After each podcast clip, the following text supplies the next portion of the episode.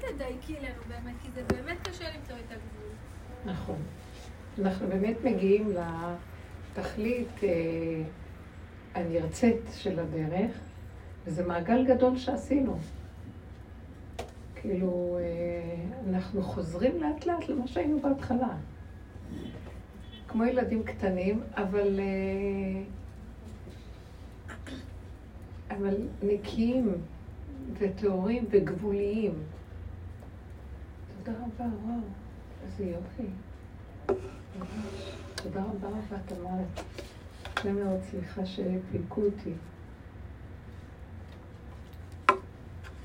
מתנצלת, כמו סבתא שלי שהייתה בת 97 והיינו מבקרים אותה, אז הייתה מתנצלת שהיא עוד חיה. לא היה לה נעים. גם אני מתנצלת שיש לי כזה. ברוך אתה מדבר אלוהינו מלך העולם שהכל נהיה לגמרי.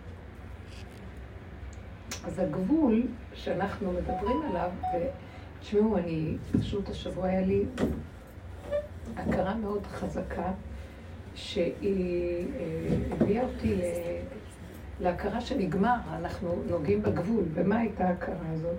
אז מישהי אמרה לי באחד השיעורים, מדוע אני, כל החיים אני רואה שכשאני עושה דברים ומתאמצת כדי להשיג משהו, ועשיתי את המאמץ שלי, שומעת? אני רוצה... היא אומרת, עשיתי את המאמץ שלי להשיג, והיא רואה איזה דפוס שחוזר על עצמו, שהיא מגיעה כבר קרוב לסיום של הדבר הזה, והכל נשבר לה. היא אומרת לי, קצת לפני הסוף. כאילו, הכל... ואז אז היא קצת אומרת, זה משהו שאני רואה אצלי כל הזמן. אני מסתכלת ואומרת, איזה מין דבר זה? ואז אמרתי לה, זה מציאותו של משיח בן דוד, והוא נקרא בר נפלי, ש, שהוא מציאות נפילה. שמה שהוא לא עושה, לא הולך. עכשיו אמרתי לה, תביני איזה זכות קיבלת, ואת נכנסת לדרך הזאת, כי בדרך כלל נשים שהולך להם לא כל כך יבואו בקלות לדרך, וסוף הדורות מתאימה לדרך הזאת, כי... כי כולם עייפים ולא, אין כוח, זה כבר לא מה שהיה, שהיו מדומיינים ורצים עם הדמיון אה, בשיאו ומחפשים, אה, יש עוד את זה, אבל כשמגיעים למקום הזה, אמרתי לה, את לא מבינה איזה מקום מופלא זה. מה זה בעצם המציאות של משיח בן דוד שנקרא בר נפלי? שהוא מזהה שכל מה שהוא לא עושה, בסוף הוא לא עושה כלום, לא הולך.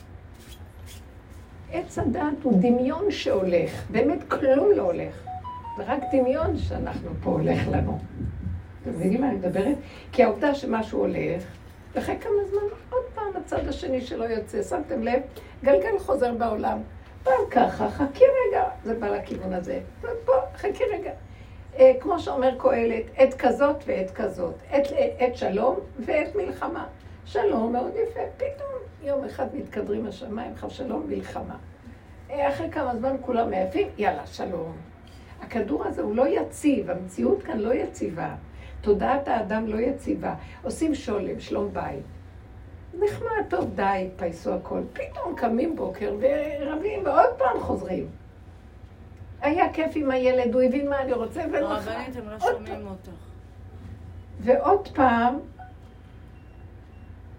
ועוד פעם זה חוזר על עצמו. אז שמתם לב ששום דבר כאן לא סגור? כי זאת התוכנה, אבל זה רק כאילו. היא כל הזמן נותנת לנו את התחושה שהנה, עוד מעט אני משיג את זה, עוד מעט, אז היא נותנת לנו חשק לרוץ קדימה ולהשיג. ויש אנשים שרואים את זה יותר מהר, כי יש כאלה עוד שהם מנסים עוד כאילו הולך להם. לא חשוב שאחר כך זה מתהפך להם, אבל יש להם תחושת שהולך, התחושה שהולך התקבעה במשהו. וזה משלה את האדם. לעומת זאת, בר נפלי, הבן דוד, התכונה של לא הולך, אצלו זה ברור יותר. תגיד, אתם קולטים מה שאני אומרת? אצלו זה ברור יותר, שכשהוא עושה דבר, הכל כבר גמר, ועוד מעט צריכה להיות תוצאה פצץ. נשבר הכל. אז אותו אחד, למה, מה זה משיח בן דוד? הוא אחד סוג כזה, והוא רואה את כדור הארץ, הוא רואה את התודעה של הכדור, שהיא עץ הדת, שזה בעצם איזה דמיון של כאילו יש, אבל בעצם הכל זה נפילה פה. והוא היחידי, אם הוא לא נשבר, ומקבל ומשלים וצוחק, הוא אומר, ככה זה הכל פה. זה לא היה אמור ללכת. זה ככה צריך להיות. הוא מפסיק להתאמץ, זה נקרא שהוא נוגע בגבול שלו. שמעתם? הגבול, אז הוא מסתכל ככה, אומר, למה לי לרוץ על כלום? איך שזה ככה, הכל טוב. אני לא רוצה להתאמץ. עושה, הולך טוב, לא הולך גם טוב. כי אם לא הולך לי, ואני רץ בכוח, זה רק דמיון, כי בסוף כאילו ילך, אבל באמת לא ילך. כן, גלגל חוזר בעולם. אז הוא הופך להיות קטן ומצומצם וקרוב לגבולו. אני אומרת כאן נוס... נקודה שהיא סוף הדרך. היא נקודת אמת לאמיתה, היא נקודה שבעצם זה המקום של משיח בן דוד, שזה התודעה שהולכת להיות בעולם, שבני אדם יפסיקו לרוץ ולהתעסק כל היום בלהשיג, בלהגיע, ולשאוף, וימסרו את כל הכוחות שלהם על זה. ואחר כך זה כמו שמשקיעים במניות, וכולם רצים, וזה כאילו עולה, ופתאום ברגע אחד הכל קורס ואין כלום. יש תחושה שכאילו הולך וכאילו מתעשרים. ברגע אחד, כמו שהיה עם המטבע הזאת של הקריפטו, שברגע אחד 32 מיליארד דולר נמחקו לא, לא מצאו אותם במחשב. וזאת ההדמיה שהכדור הזה, התודעה של הכדור קיימת בו, ואנחנו בסוף הדורות, וחייב לבוא הסוף הזה, וחייבים להיות סוג של נשמות של בר נפלי, של מציאות הנפילה, וחייב להביא את ה... אלה שעובדים בדרך, אנחנו גם עובדים איך לא להישבר, ולקבל ולהשלים, והם עוזרים לעולם לגשר מתודעת עץ הדת הדמיונית למצב האמיתי של קבלת המציאות איך שהיא, באמת זה ככה. אה, אחת חושבת אם אנשים צעירים מתחתנים, אה, סוף הדרך התחתנו, ומה אה, אתם חושבים שאחרי זה קורה? תהלוכות, זה, זה תהפוכות החיים. אז עושים ככה, וזה עושים ככה, וככה זה. לא, אבל באותו רגע זה נראה ה top של ה top בחיים. ואנחנו לא שמים לב שכל המציאות של החיים היא כזאת כל הזמן. וכולנו ספוגים בצלקות של אכזבות, אבל בכל אופן, מה, תשאף, תהיה חיובי, תחשוב טוב. זה מה, ש... מה שמלאה אותנו. והדרך הזאת אומרת לנו דברים אחרים. מה היא אומרת? תרדו מהחיוביות, זה שקר. זה לא אומר שאני אהיה בשלילי, זה אומר שאני אסתכל שהחיובי זה עוד איזה דמיון שגונב אותי. והאמת הפשוטה היא איך שזה ככה. ולא טוב ולא רע, וככה זה בסדר איך שזה. ואני הולך בצמצום קרוב לעצמי כדי לא להתרחב על ההשגות הגבוהות, וגם לא ללכת בדיכאון למטה שלא הלך לי. הכל בסדר איכשהו. ואדם ששם את תודעתו בגבול של עצמו, בגבול, הגבול הזה הוא מתנה שאי אפשר לתאר אותה. אתם מבינים מה אני אומרת? לא שואפת לגדולות ונצורות, לא נכנסת לדיכאון ושבירות. ככה וזהו, וככה וזהו, וככה וזהו, וככה וזהו. נמאס לי לתלות את מציאותי בחיים שהיא תהיה תלויה במשהו. לא, לא רוצה שתהיה תלויה בכלום, איך שהיא ככה היא בסדר. זה חיים יציבים ופנימיים, הולכים לישון טוב וקמים טוב ולא מצפים לכלום ולא דורשים שום דבר. ויש התנהלות של יציבות והגבוליות מחיה את האדם. אתם קולטים מה אני מדברת? ובגבוליות הזאת שכינה קמה ומחיה אותו מבפנים. הוא כבר לא תלוי בכלום. הגבול שאנחנו מגיעים אליו כשהתודעה הזאת, שהיא הפסאודו, הכאילו, וכל הזמן מושכת אותנו, כשאנחנו מגיעים לגבול הזה, שכינה קמה מתוכנו, מחבקת, וטוב לנו, ונהיים חזקים, ולא תלויים בכל השקר של העולם. וזה לא משנה כלום. כן, אנחנו מתהלכים בעולם, וכן, לפי הסיבות יש כאן אה, תכונות מסוימות, ויש כאן, אה, בוא נגיד, מצוות והכל, אבל הם לא בראש שלי. אני לא זוכרת כלום, הם באים לקראתי ומזכירים לי. הנה, זה עכשיו זמן, בונים בית. יש מישהו שבא וזה מסתדר וזה. אבל אני לא מצפה ולא נבהלת ולא יושבת במרירות, ולא אותו דבר, ממון, אותו דבר, חינוך ילדים, כל דבר. הבנתם מה אני מדברת? כן. אה, למשל, דוגמה, אני רוצה לעשות ספר, אה, לעשות ספר תורה לבעלי, ואין לי. מה לעשות? ספר תורה לבעלי. למה? כבר שש שנים הוא כבר אה, נפטר, ואין לי אפשרות, ואני כל הזמן מנסה, מנסה, מנסה. עכשיו אני צריכה לעשות הלוואות, והילדים גם מצד אחד, חלק קל לו וחלק קשה לו. ואני לא יודעת, מציאות כזאת שאני כבר לא יודעת מה לעשות. אז אם, לפי הדרך שלך, זה פשוט מאוד, אם אין לי אפשרות ואני לא יכולה, אז לשבת בשקט ולקבל את זה כמו שזה ונגמר הסיפור. ברור. כמו שזה, עד עכשיו זה מה שעשיתי עד עכשיו. ושש שנים עברו. לא, את לא עשית עד עכשיו ככה. עשיתי, כי אני לא עשיתי, כי כאילו לא פעלתי כלום, לא עשיתי שום דבר. לא שלא לא פעלת זה דבר חיצוני. קיבלתי את המציאות כמו שהיא. לא, כי עובדה שאת כן רוצה שיהיה, אבל את לא בדיוק, אה, זה לא בדיוק מה שיוצא. באיזשהו מקום כן אני רוצה לעשות את זה. זה שייך לתכונה של הצדקות שבך. לא, ממש לא. ואני אה, אגיד לכם את האמת בפשטות, משכל תורה ישר, של דעת תורה, אם את לוקחת קצת כסף ומפזרת משניות בבתי כנסיות וסידורים, ואדרבה, מתפללים בהם ועושים בהם מה שצריך, צורך, ובתשמישי קדושה, זה לא פחות מספר תורה. אבל הגדלות של האדם, ובדרך כלל זה קורה דווקא אצל האנשים הפשוטים, הם רוצים ספרי תורה. התלמידי חכמים הם לא משתגעים על הדברים, זה יותר מתאים לבלבטים, לעמי ארצות, הם אוהבים את הדברים האלה. באמת, באמת, לא. זה הרבה כסף, זה הרבה טרחה, זה בסדר. יש, תעשי. אין ולשאוף ולהשתגע בהלוואות וכל זה בשביל להרגיע איזה דמיון רוחני. כשיש זה משהו אחר. הבנתם? וככה צריך להתנהג עם כל ערך. לא לתלות אותו כדבר ולרוץ אחריו. זה תוכנת הגלות. תוכנת הגלות היא תוכנה, תוכנית של אה, אכלנו מעץ הדת, שהשפריץ אותנו למדרגה של דמיון וייתם כאלוקים. ועכשיו העבודה שלנו היא כן לשאת בעול וכן להיות. אי אפשר הרי סתם להגיד, טוב, אכלנו טעות. תאכל אותה, מה שנקרא. תמשיך כל השנים עד התיקון הסופי לחשוב שאתה פועל ואתה עושה ותתאמץ ותרוץ ותשיג וזה, ואף אחד לא משיג כלום כי אין אדם מת וחצי תבואתו בידו. וגם אה, אנחנו עדיין לא, אה, אנחנו לא פטורים מלעמוד אה, בתורה ולהתעקש. אבל החוכמה היא שאני עמל ונהנה ממה שאני עושה, ולקראת הסוף זה יהיה ברור. אני לא יכול לעשות משהו נגד הגבול שלי. אם יש כאלה שקשה להם מאוד בלימוד הגמרא, הם לא יכולים בכוח להכריח. אז יש להם נטייה ל- ללמוד מקצוע אחר בתורה, שזה יותר קל להם, אולי מדרשים, אולי אה, אה, לגרוס משניות, או כל מיני דברים. לא, לא, לא כל אחד יכול לעשות הכל. מה שפעם זה היה כולם הכל.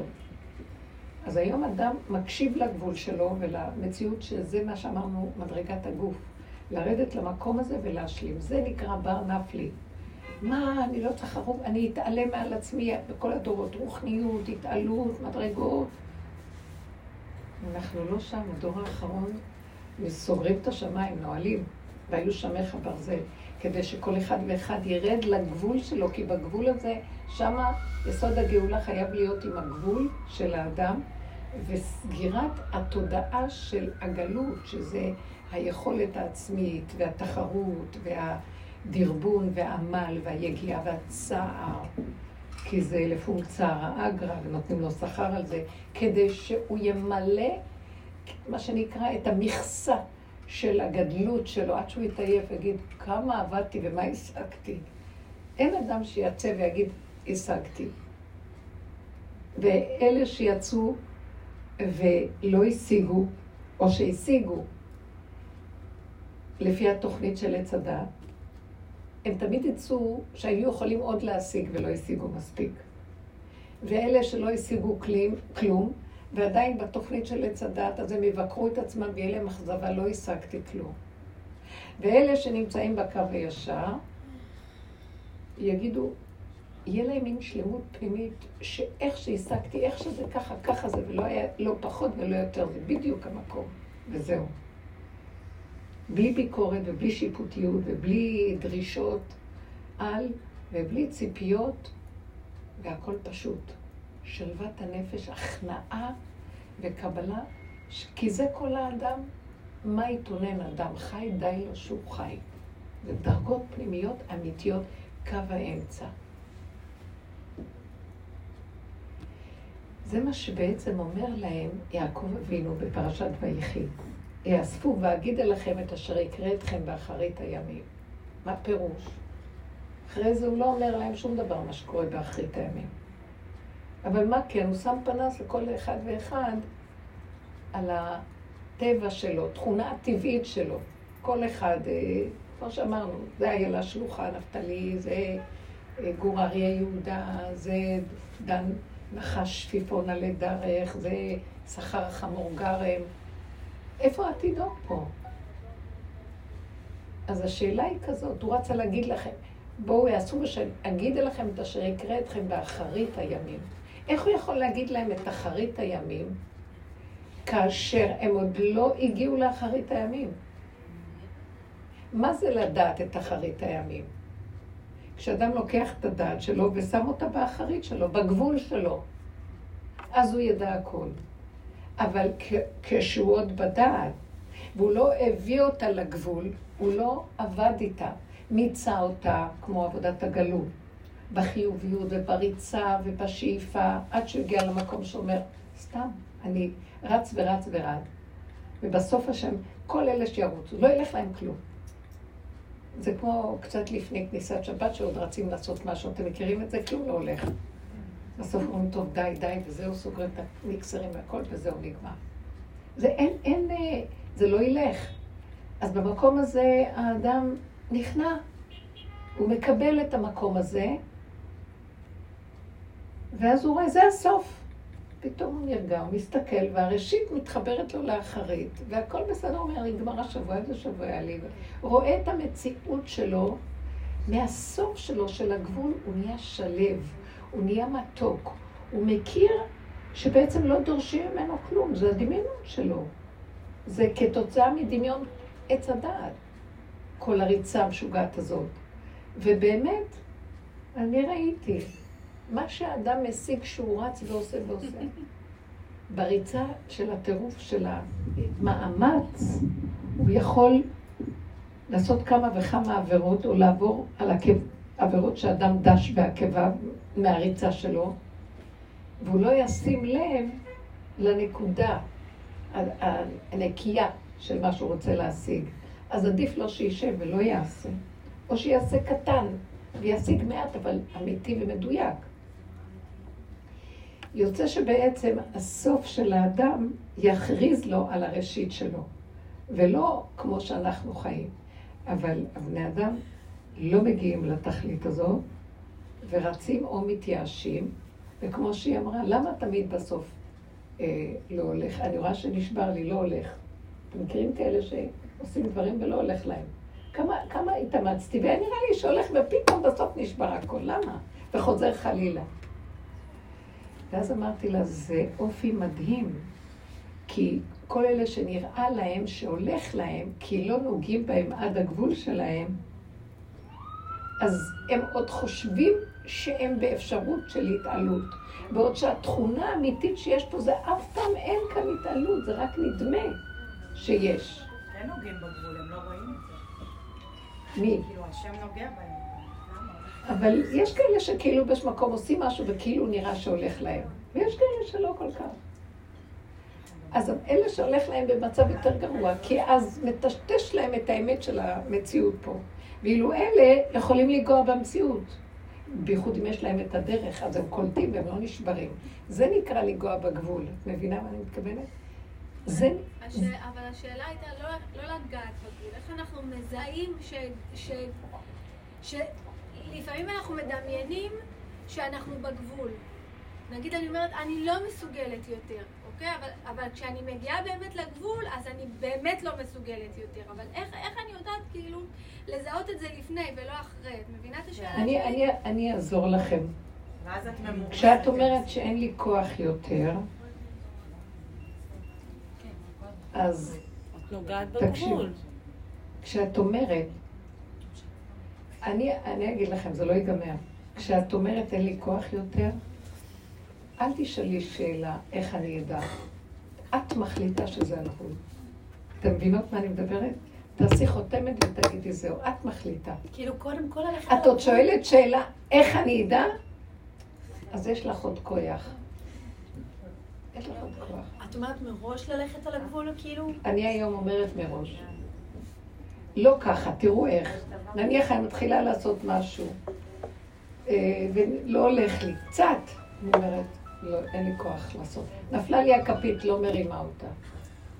אין לי כוח, אה, דברים קטנים, אתם לא תאמינו.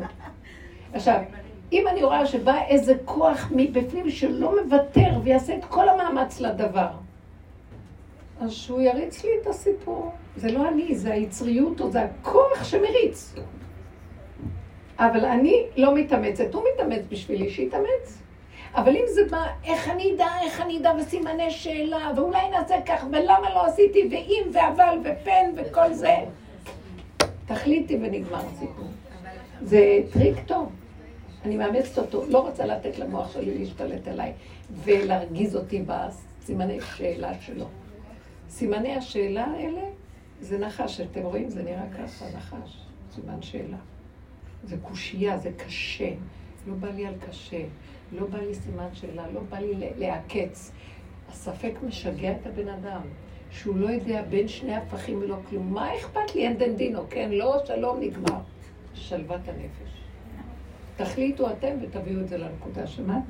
בוא נגיד, יותר ויותר אני מוצאת את עצמי אומרת, היה לי את הניסיון, ואמרתי את זה באחד השיעורים, ועכשיו אני לוקחת על ערך גבוה, שאמרתי, אני אחזור על זה שוב, לא חשוב שאני חוזרת הרבה פעמים בשיעורים על אלמנט, כי זה יכול... בשיעורים אחרים אמרתי, שיעור אחד או שניים. בכל אופן, אה, אצל רב אושר היו כמה אנשים שהיו נחשבים בבחינת משיח, ובאופן טבעי זה מאוד תלמידים שמסתובבים סביב החצר, באים לעבודה, לקבל דרך, שומעים בבחינת משיח, יאללה, רצים אחריהם. זה מסקרן מי הם, מה הם, בואו נעקוב אחריהם, בואו נחקור עליהם, בואו נערוב להם. הדמיון של הבן אדם מתרחב עליו. מבחינת משיח, זה לא דבר פשוט, נכון? וככה אני הראשונה שבהם. אני רק שומעת משהו, יאללה, רצה כל היום חקירות, לראות, לשמוע, ללמוד, לדעת, להבין, לתייק, לעקוב, לערוב, אה, משהו. והיה לי כמה פעמים ניסיונות, עד שהיה איזה אחד שאמרתי שזה הגיע למקום ש... וזה היה בזמן האחרון, שהגיע לאיזה מקום שאמרתי לעצמי, הוא נכנס לי עמוק במוח ואמרתי, לא, אבל הוא אמר ככה, אז אולי אני צריכה לעשות ככה, ולא היה לי ברור משהו בהנהגה שרציתי לעשות. ואז בשבועיים האחרונים תפסתי את עצמי בצעקת נפש נוראית. אני לא יכולה יותר לסבול את זה. כל השאר שחררתי, אני לא רצה אחרי שום דבר, אחרי שום דבר, הערכים נפלו לי, לא מעניין אותי זה או זה או זה. בדבר הזה עוד נשאר לי איזה בחינה, זה לא דבר קש... פשוט, בחינת משיח. והוא עוד אומר על עצמו, אני משיח בן דוד, אני זה, אבל הוא לא מתוך הגאווה, בפשטות של מילים. ואז אני אה, פתאום הגעתי לאיזה מקום שאני צועקת לעצמי, צעקתי, אני לא מסוגלת גם את הערך העליון הזה יותר אה, להזיז את המציאות שלי בפניו. שמעתם מה אני מדברת? אני לא מסוגלת, אני לא יכולה יותר. משהו בגבול שלי צעק הפוך ממה שההנהגה שאני הבנתי ממנו. ומשהו בגבול צעק ואמר, זה, תעשי מה שנכון לך. וזה כל כך היה חד. שאלה רבנית. ואם מה שנכון לך זה לא תמיד משהו טוב לך. רק שנייה, אני תכף, בעזרת השם, שנייה. רק אני אגמור, תגיד. זאת אומרת, באיזשהו מקום, הגבול שלי צעק שהוא לא יכול להכיל. ואז אמרתי, הוא כבודו במקומו מונח. קודם כל הבנתי שמשהו אצלי פתאום צועק. מי אמר שזה מה שהוא רוצה ממך? הוא רוצה ממך שתגיעי לגבול הזה, ושזה לא מקרקס אותך ככה. שתגיעי למקום הזה, תגידי, די, קודם כל אני. ומה שהגבול שלי אומר, וזהו. שיהיה עכשיו, לא יודעת מה יוביל אותי. זה צריך להתאים לי, אם לא, זה לא מתאים. ולהחזיק חזק בעוגן ולא ללכת. ואחר כך אמרתי, זה הדמיון שלי מה שעושה ממנו, זה לא הוא. אני לא, אי אפשר להכיר מה הם. אי אפשר, זה, זה דמיון שלנו מהדבר. אף פעם לא נדע את הדבר כמו שהוא. זה תמיד ביחס לדמיון של האדם. ואז פתאום נרגעתי ואמרתי, ריבונו של עולם, שום ערך בעולם לא יעמוד מול הגבול שלי, הגבול שלי קודם לכולם. כי שם אתה נמצא בצורה שהכי מתאימה לי, אלוקות שמתאימה לי. נקודת אמת שמתאימה לי בגבול שלי, בתכונה שלי, במציאות שלי, ושום דבר אחר לא יכול להעיב. וזו מדרגת היחידה של כל אדם ואדם, שאנחנו חייבים אליה, וזה נקרא שכל אחד ימצא את הבר נפלי שלו, את המציאות של הגבול שלא הולך יותר כלום, וישלים ויקבל ולא, ולא יגיד, למה לא הלך להיות? כי בדיוק ככה, איך שזה, כך זה צריך להיות. הנפילה הזאת, איך שהיא בגבול הזה, בדיוק ככה זה צריך להיות. אתם מבינות מה אני מדברת? כן, כי את אומרת, הגבול קודם לערך, כי הערך הוא עוד בדעת. יפה. הערך הוא עוד בספרת, בספריית הערכים. ואילו הגבול שלי הוא הכלי שהערך הזה, אם זה הולך ביחד, ילך, לא הולך. ומשהו התנגד חזק וצעק. הצעקה הזאת, הרגשתי שאני חייבת להקשיב לעצמי, וזהו. כמו ילד קטן שלא רואה, כמו תינוק, שלא רואה כלום, רק מה שהוא צריך, וזהו. ואז הבנתי שאם הוא נמצא שם וכביכול מקרקס ולא בדיוק, זה כדי שאני אגיע לנקודה הזאת. אתם מבינים? הוא לא רוצה שאני אעשה מה שהוא רוצה, הוא רוצה שאני אגיע, מעמיד קשיים כדי שאני אגיע לנקודה הזאת. ואני בדמיוני רוצה לרצות את הנקודה של הכותרת המדהימה בבחינת משיח. הבנתם? ואז אמרתי, לא. הסוף הוא מאוד מאוד פשוט. ילד קטן במלכות השם. ולא יודע כלום, רק איך שהגבול שלו. בגבול הזה, אם יבוא איזו הערה גדולה, ואיך אני אדע שהיא לא שלי, משהו שיתלבש על הגבול, זה נעים לי, טוב לי, הכל הולך חלק, נפתח עוד דלתות, אין מאמץ, אין עמל, אין סתירה, אין יגיעה, אין כלום, קדימה. אבל מלחמה, לא. אם יש מלחמה זה עוד עץ הדעת. כמו שבת, אסור להתאמץ, אסור להצטער, אסור להתייגע, מלאכת מחשבת אסורה, שזה מחשבה, מלאכה חשובה, דעת שמביאה לך מחשבה. אז מה את שואלת? שהגבול, שהגבול אותך. השאלה אם זה לא טוב לך, זה הגבול שלך. לא, בגבול תמיד, בהתחלה בגבול יבוא המוח ויבקר את הגבול. המוח יגיד מי אמר, לא אמר, כן אמר. וזה מה שאנחנו מתאמנים פה, לשים לב, לא, לא להילחם בעצמי, לא לתת למוח להתגבר על המציאות הפיזית הפשוטה. כמו שמישהי אמרת לי, אני, היא רצתה להביא אותי, להחזיר אותי, ואז נתפס לה הגב קצת. ואז אמרתי לה, אני יכולה לי, אז אמרתי לה, לא. תקשיבי לגוף שלה, אני אסתדר, אבל אל תלכי נגד הגוף. כי לפעמים אנחנו מתגברים ועושים משהו נגד, כי הערך העליון גונב אותנו. כל הדורות אנחנו חיים בגלות ככה. אנחנו חיים שאנחנו רומסים את הכלים שלנו כדי שהדעת, כדי לקיים את אה, חטא של והייתם כאלוקים. יאללה, בואו נעמיס, נעמיס, עד שנמצה את הכוחות של הדמיון. שאנחנו כמו אלוקים, הגענו כבר לתכלית. וזה נקרא, שתית את ה... מיצית את קובת התרעלה, די. מה את אומרת? לא לא לחוץ לנו, אבל כל הזמן כוח הרצון. זה התכונה של הגלות. בגלות אנחנו כל הזמן הולכים ככה. אבל לקראת הסוף, אם נקשיב לגבוליות ונשב בשקט, שלווה תיכנס לנו, ברכה, גן עדן. נחת ורגיעות, גן עדן, מאיזו בחינה? זה לא יהיה כמו המוח שחושב, טוב, מה השגתי, מה עשיתי היום? אני לא אעשה כלום כל היום, ולא יהיה אכפת לי שלא עשיתי. כי לא צריך לעשות כלום. ואם מישהו, אם השם רוצה ממני משהו, אם ההנהגה האלוקית שנמצאת פה, רוצה ממני, היא תשלח סיבה ותיתן לי את היכולות ואת הכוח. ואני ראיתי את זה. אני הפסקתי כבר לחשוב מה אני אעשה, לא אעשה, כן אעשה, וכאילו לעורר את עצמי כדי שיהיה לי איזה משהו של, של תוכנית, כי, ו, כי אני רואה שהוא מכריח אותי חלל ריק. וכביכול כאילו שיממון ואין כלום, אז אני, דבר קטן, אני עושה פעולה קטנה בבוקר. ואז היא אומרת, אז מה היום? אני אומרת, לא, לא, לא לחשוב, לא לחשוב. יש משהו קטן, תעשי, אחר כך את זה, תעשי. פתאום יכול לבוא כל מיני דברים בתוך היום שהם מדהימים. אני רואה. שיש יד נעלמה. שמזכה למצווה, שמזכה לחסד, שמזכה ל... אתם לא יודעים, מישהי בדיוק סיפרה לי דבר כל כך יפה, אה, אתמול בשיעור, שהיא סיפרה דבר מאוד יפה, שמישהי, אה, איזו עורכת דין, שעברה ניתוח כזה, פשוט, אבל נהיה לה פתאום איזה מוות קליני, לא עלינו, חס שלום. אז אה, היא עלתה, ואחר כך החזירו אותה, אז היא אומרת, כשהיא עלתה לשם, אז אה, היא שו- ש- מראים לה את כל מה שהיא עשתה בתור עורכת דין. והיא רואה שאנשים, היא ציירה אנשים ברמה שלא ניתן לתאר. מעצם המקצוע הזה שבאופן טבעי תמיד אה, יהיה איזה צד שיצטער, שאי אפשר לתאר.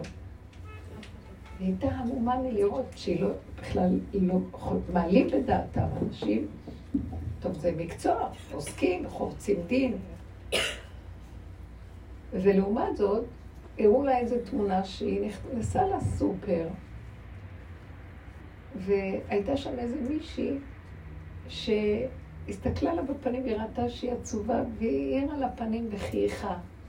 כל הכף הזאת של השלילה שנעשתה, החיוך הקטן הזה הייתה את, את הכל לכף זכות. תראו מעשה קטן טוב, איזה איכות. עכשיו, אני, אני רק אומרת, בדרך כלל לא מספרת סיפ- סיפורים כאלה, אבל זה, זה, אנחנו, הגדלות כאן גונבת ברמות, והשכל שלנו של אחד ועוד אחד ועוד אחד, אין לו בכלל פרופורציה. לעומת אה, איפה מונח האמת. נקודה קטנה, ננו, שווה מיליונים, שווה, אי אפשר לתאר את המעט שהוא נקי, טהור וזך, שאין בו נגיעה. פשוט איכשהו באשר הוא. וזה מה שהולך להישאר. והנותר בציון קדוש יאמר לו. המעט שיישאר. יישאר מעט. אבל זך וצלול ונקי שווה את כל העולם. זה מה שיישאר. כל השאר לא יהיה לו משמעות. אתם מבינות מה אני מדבר? והגבול מביא אותנו למקום הזה, כי הגבול אומר, למה לך להתאמץ סתם? כי את מתאמצת ורצה ועושה המון עבירות שאדם דש בעקביו מן הצד נופלים, והמון אה, זה וצער. ו... למה אני צריכה את כל הגדלות הזאת? מה אני צריכה את כל המרות? דבר דק, עדין וקטן, שאפילו לא אני הפועלת, אלא אני מופעלת על ידי כוח הסיבה, כאשר אני בנוטרל. הנה אני פנויה. רוצים להעמיס עליי? בבקשה. הגבול מסכים, ואם הגבול לא מסכים, אז לא. כי הגבול הוא שייך להשם, הוא עובד בשביל האדם, הגבול. היא לא צריכה להפעיל את המוח. והשכינה נכנסת בו, ודרך הגבול היא מתראה. כשהשם אומר למשה רבנו במתן תורה, בפרשת יתרו, לך הגבל את העם. הם עולים בבוקר למרגלות ההר, והוא אמר לו שתרחיק אותם מההר, שלא יהינו לעלות להר, ואז חשלום זה אש יורדת על ההר. אז הוא אומר לו, משה רבנו, כבר אמרתי להם שהם צריכים להגביל את עצמם ולהתרחק. אז הוא חוזר ואומר לו כמה פעמים, אז הוא אומר לו, אבל כבר אמרתי להם, תחזור ותגיד להם, לך אגבל את העם. ואני קולטת שהוא אומר, תביא אותם למצב שהם יהיו גבוליים, כי עכשיו זה התנאי שהאור שלי מתגלה עליהם. נתן תורה ירד אור אלוקי גדול. הוא יורד על הגבול, אם האדם יוצא מהגבול והוא לא בגבול ומתרחב, דמו בראשו סכנה, האור הזה מפוצץ. הוא יורד על כלים קטנים שאין להם ישות, דמיון של אני. גבוליים, גבול פשוט. והגבול מראה לאדם, די. אם יש לך קושיות במוח, שאלה, סימן שזה לא גבול. ואם את רוצה כבר להביא את זה לגבול, כי התעייפת מהמוח הזה שהוא לעולם לא יוותר, תחליטי בשבילו ותגידי, זה הגבול שלי. אבל מה אני אחליט? רגע, אני רוצה לשאול, אני תביאי שואלת דוגמה. ממשית. הבנים שלי, אני לא יכולה לחיות איתם יותר, באותו הבית. אני לא מסוגלת, הם קמים בבוקר, הם גדולים, יש להם צעדים גדולים, הם מדברים בקול רם, הם- באמת, וואי, אני. מתביישת להגיד את זה, אבל אני- אני לא- אני לא מסוגלת, הם קמים בבוקר, אני רק רוצה לברוח, והם שואלים הרבה שאלות, ויש להם הרבה בקשות, והם מתקלחים המון זמן, והכל הם עושים, הם אוכלים הרבה. כן, כל שנה רוצים שקט. ואני אני, אני לא יכולה להכיל את זה, באמת, אני לא מסוגלת. אני, זה- אני, אני באמת, אני יודעת שאני לא מסוגלת להכיל את זה, אבל מה אני אעשה? אני אזרוק אותם מהבית? לא, לא, את עצמך תזרקי מהבית. רגע. והם הם מתקלחים, אני מקבלת חשבונות חשמל, גז ומים כאילו הזויים. אני אומרת להם, בבקשה, זה מלא מוח כל ה... מכבת האור, אין, לא יוצאים מהמקלחת. עכשיו, אני לא, אני, לא יודעת, לצאת אם מהמקלחת. כאילו פשוט, איפה הגבול, כאילו, איך לשים את הגבול, בזה שאני מתעלמת מהתשלומים, לא אכפת לי שיבזבזו את כל המים בכנרת, ולא מעניין אותי כמה חשמל אני אקבל, כאילו, אני, לעשות ככה, או, אני לא יודעת מה, להוציא אותם ערומים מהמקלחת. כאילו, אני לא יודעת איך אני שמה את הגבול, איפה, איך, הגבול, איך אני מתנהלת עם הגבול, אני יודעת שאני לא מסוגלת לחיות ככה יותר, באמת, אבל מה אני עושה עם זה? זאת השאלה. יש כאן שני דברים. אבל איפה הבעל. איפה הבעל? הוא בא בחצות שהאישה יוצאת. אתה יחד איתי, גם הוא, מה, תצאו מהמקלחת כבר, כמה אפשר? אבא שלי סוגר לנו את המים החמים. אני מה עושה את זה גם. להסתכל במקלחת, הם יוצאים יותר. לא, אבל זה לא עניין. וואי, איזה...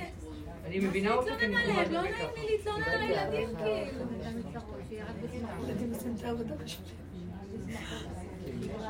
את מבינה מה אני שואלת? כאילו... עכשיו תקשיבו, יש כאן...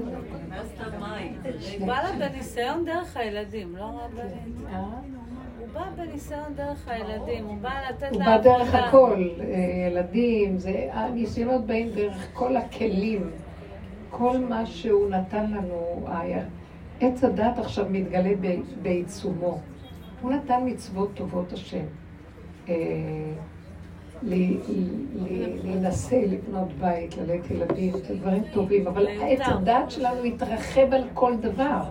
והנישואים רחבים, והחינוך של הילדים רחב, והמשפחתיות מתרחבת, והעיסוק של הבן אדם מתרחב, והוא לומד המון בהשכלות, והכל גדל אה, כגולם ש, שקמה להיות צרום.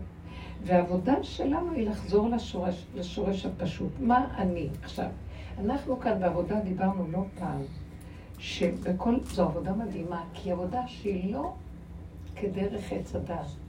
היא הולכת ומצטמצמת, שמתם לב, אנחנו לא הולכים ומתרחבים, הולכים ומוסיפים, אנחנו הולכים ומתמעטים, הולכים ויורדים. איך, איך כתוב על בית שמאי? הולכים ו... פוחד.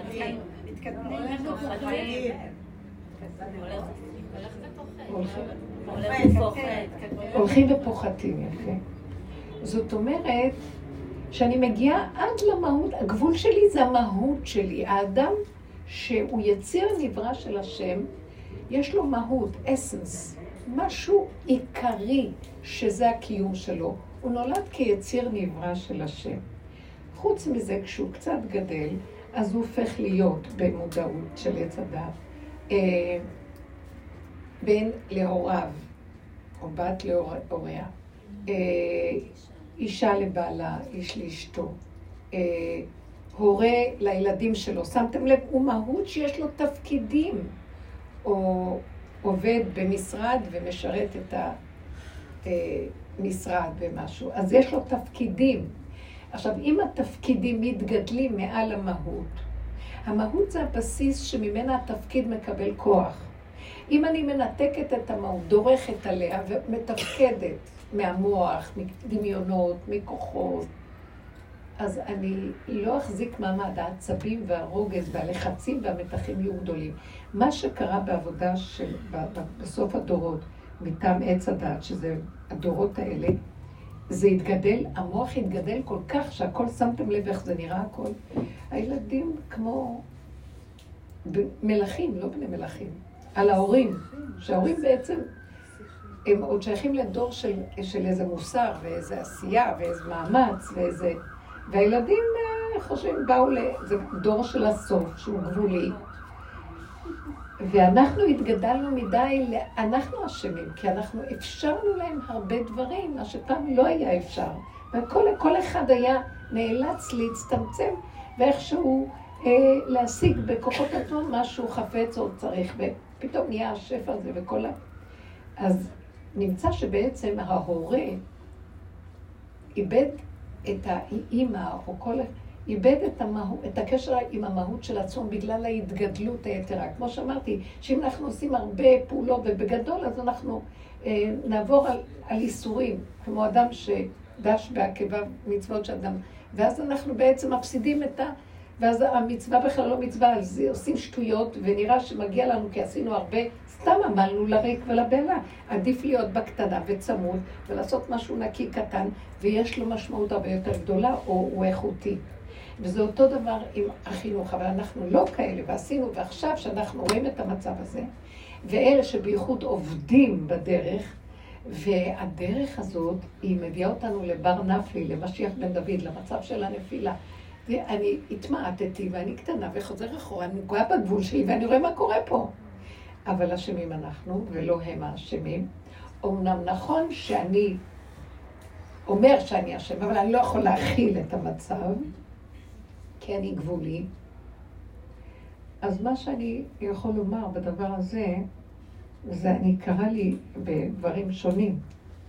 אני ראיתי שאני צריכה להתרכז במהות שלי. כשאנחנו עובדים בעבודה הזאת שאנחנו עובדים, זו עבודה כאילו אני מדברת לכל אחד ואחד באופן פרטי, רק זה שיעור ואין לנו דרך, רק זה שיעור כללי, מה שנקרא.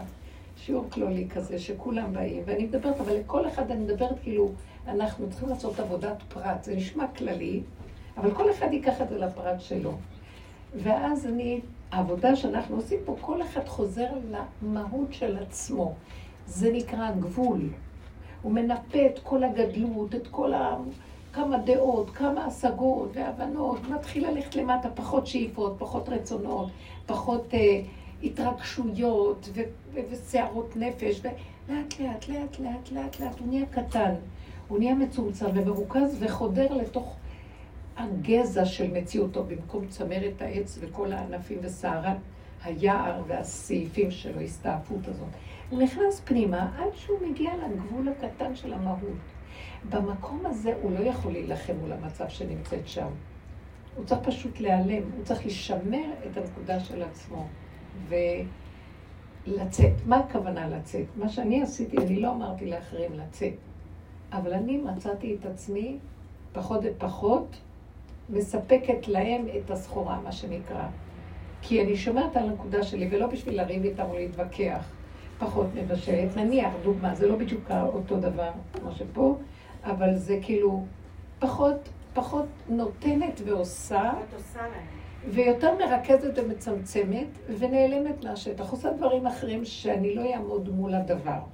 לאט לאט, הלוא הם אחוזים ויונקים, לאט לאט אה, היניקה שלהם מתייבשת, אין להם מאיפה להיות ניזונים, או שאני, אה, בוא נגיד, אה, לא יודעת מה, פחות אוכל, או פחות, אה, אני מנתקת חשמל, או פחות, פחות דברים, פחות מזינה ומספקת את הסחורה. ויותר מהכל, אני לא נמצאת.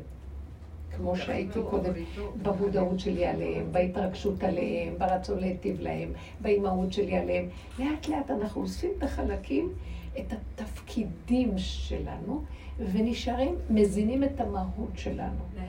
ההזנה של המהות היא כדי להישרד ולהתקיים, והם כבר לא יכולים, בייחוד שהם לא תינוקות, שזה משהו אחר.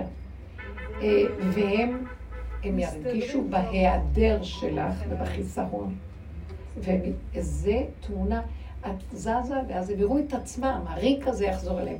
בהתחלה הם לא יקלטו, צעקו, אמא, איפה את? מה, אין זה, אין זה, אין זה. לא צריך הרבה להגיד. אני לא יכולה, אני לא... הרבנית, אני אומרת להם, אמא חוזרת, תכינו אוכל. אמא צריכה לחזור מעבודה. למה לא? הם מכינים? הם מכינים? כן, את יכולה להגיד הכל. אני לא, אני לא מחפשת פתרונות, מה שהם יעשו או לא. לא. אני רוצה להגיע למקום שאני לא אה, נשברת ולא פונה אליהם וצועקת ומנסה ליישר את המציאות מול, כי זה לא ייגמר. אי אפשר לעמוד מולם ולריב, בגלל שאנחנו יצרנו את המצב הזה, אנחנו קלקלנו. אנחנו הרחבנו את התיאבון, בכל הצורות התרחבנו, והמצב הוא לא, לא עליהם הטענה, למרות שכן בסוף מצפים מהם למשהו אחר.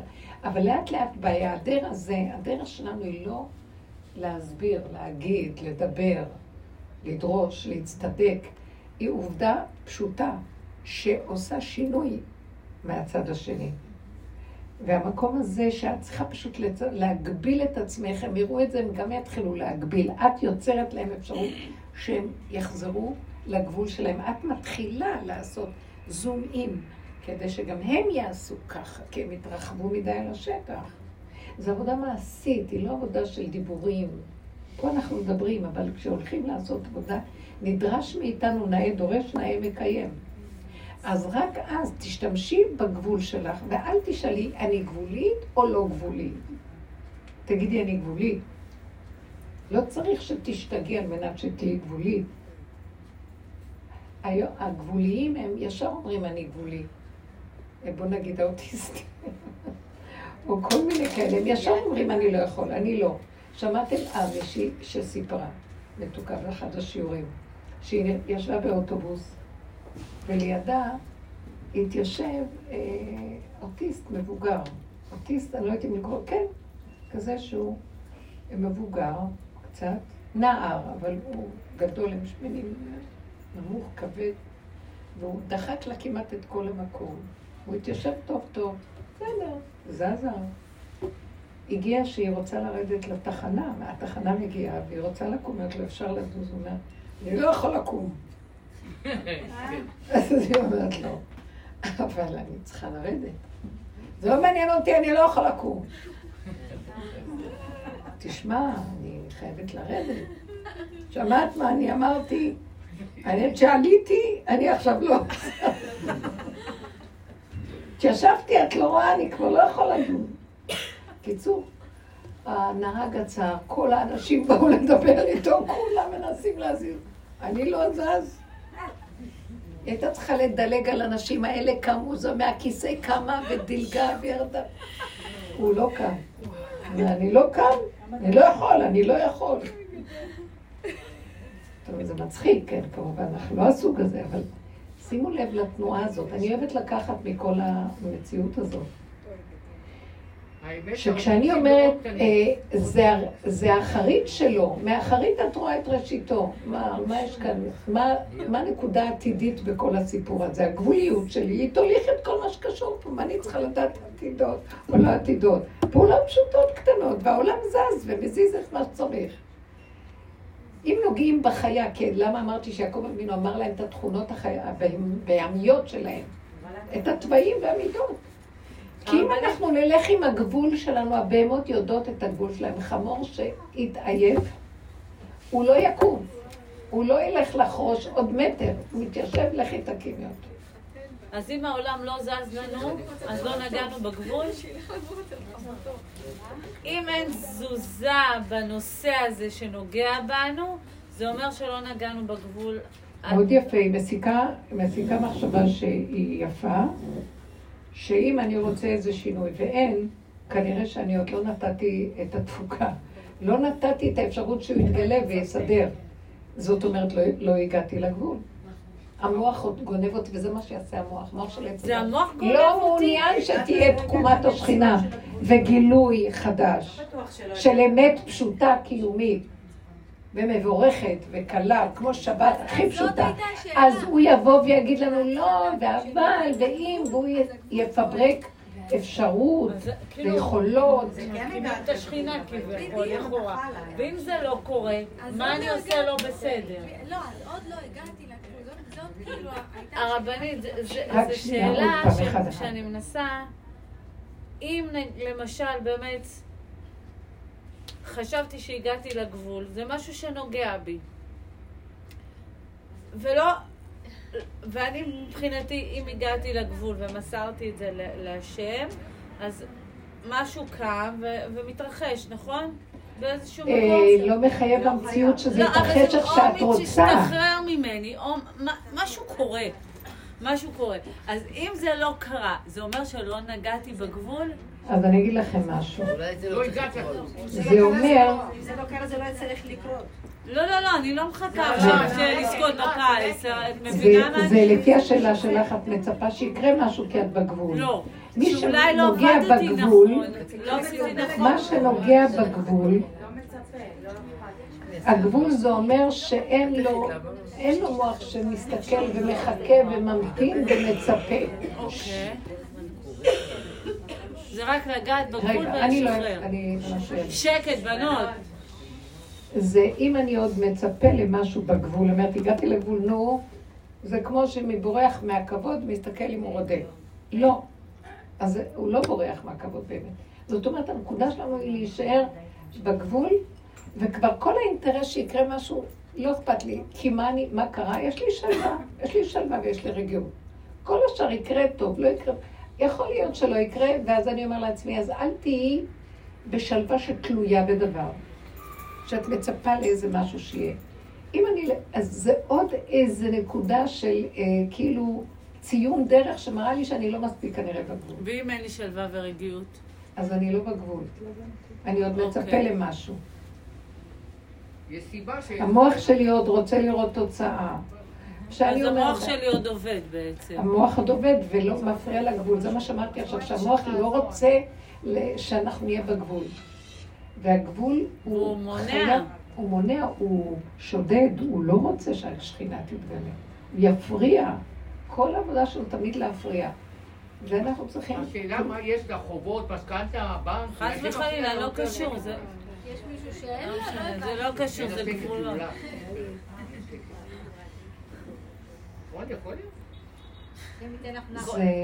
אני אגיד לכם, יש המון עניינים בחיים. תראו, אנחנו מדברים דברים אוטופיים כאלה יפים. יש הרבה עניינים בחיים, אבל אני אגיד לכם את האמת, אם אני עוד אמשיך עם המוח שלי לגלגל את החיים במרכאות, אני, אפשר לצאת מן הדעת, אפשר גם לקבל, לא יודעת מה, חולי התקפים, לא יודעת מה, דיכאון, ואנשים נפולים מהמחשבות שלהם. הם הולכים בחוץ ואת רואה את המחשבות על הפנים. אז אנחנו צריכים, בעבודה שלנו אנחנו מביאים את עצמנו למקום להיות כמו ילדים קטנים, שהעולם לא שלנו, אנחנו עושים מה שאנחנו יכולים.